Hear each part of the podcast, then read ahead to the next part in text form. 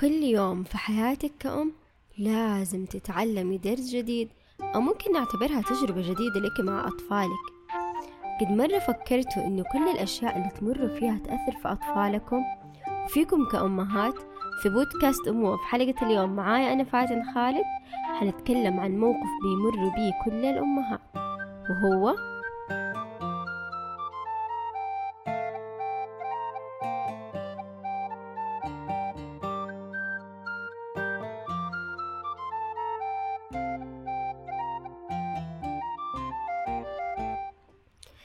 تخيلي معايا أخذتي طفلك الكبير للمدرسة وطفلك الصغير قلتي خليني أخذه معايا في رحلة ألعبه شوية عبال ما ينتهي وقت الطفل الكبير للمدرسة.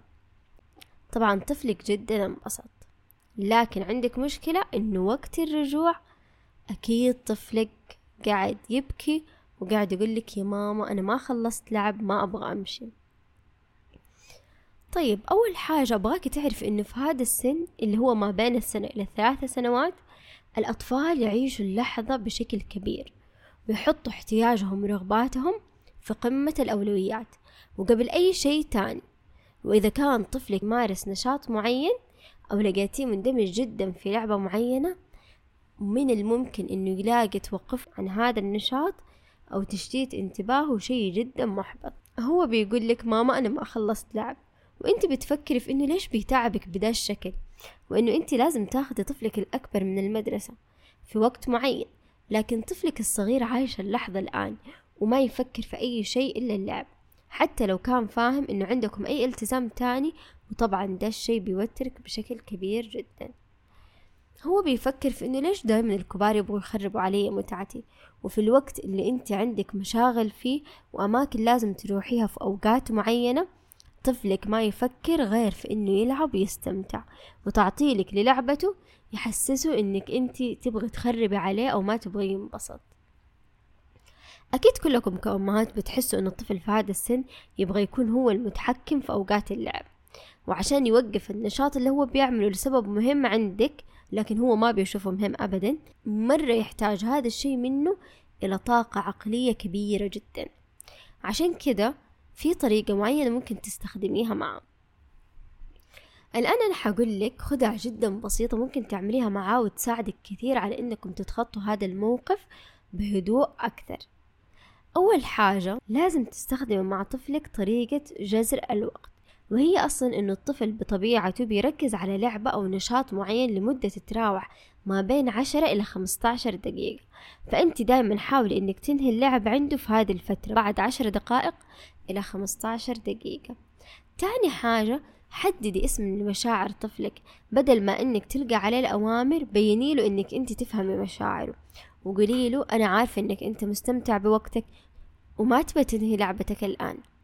في هذه اللحظة حتشوفي طفلك متعاون معاكي أكتر وكمان حتخف ردة فعله بتفهمك أنت ليه.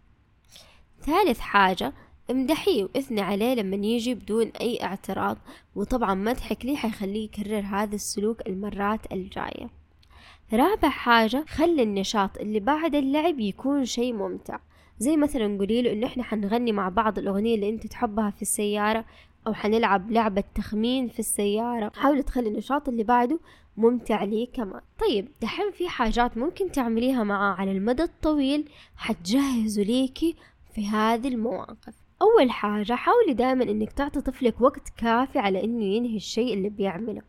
يعني لو كنت تخططي إنك تترك المكان اللي هو مستمتع فيه وكان شوي وحينتهي من نشاط معين فما حيعترض على الخروج بشكل أكبر.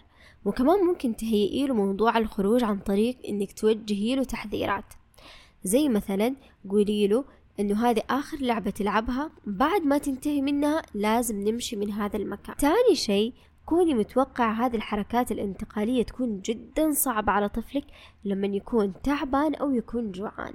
عشان كده حاولي دائما إنك تحددي له روتين يومي للوجبات أو لأوقات القيلولة لأنه هذا الروتين دائما حيساعدك على تسهيل الحركات الانتقالية بالنسبة لي وتخليه يتعامل ببساطة مع هذه المواقف. وأخيرا لا تنسوا تتابعونا في مواقع التواصل الموجودة في صندوق الوصف وانشروا الحلقة لكل الأمهات اللي تتمنوهم يستفيدوا معانا. واستنوني معاكم في الحلقات الجاية بمواقف جديدة.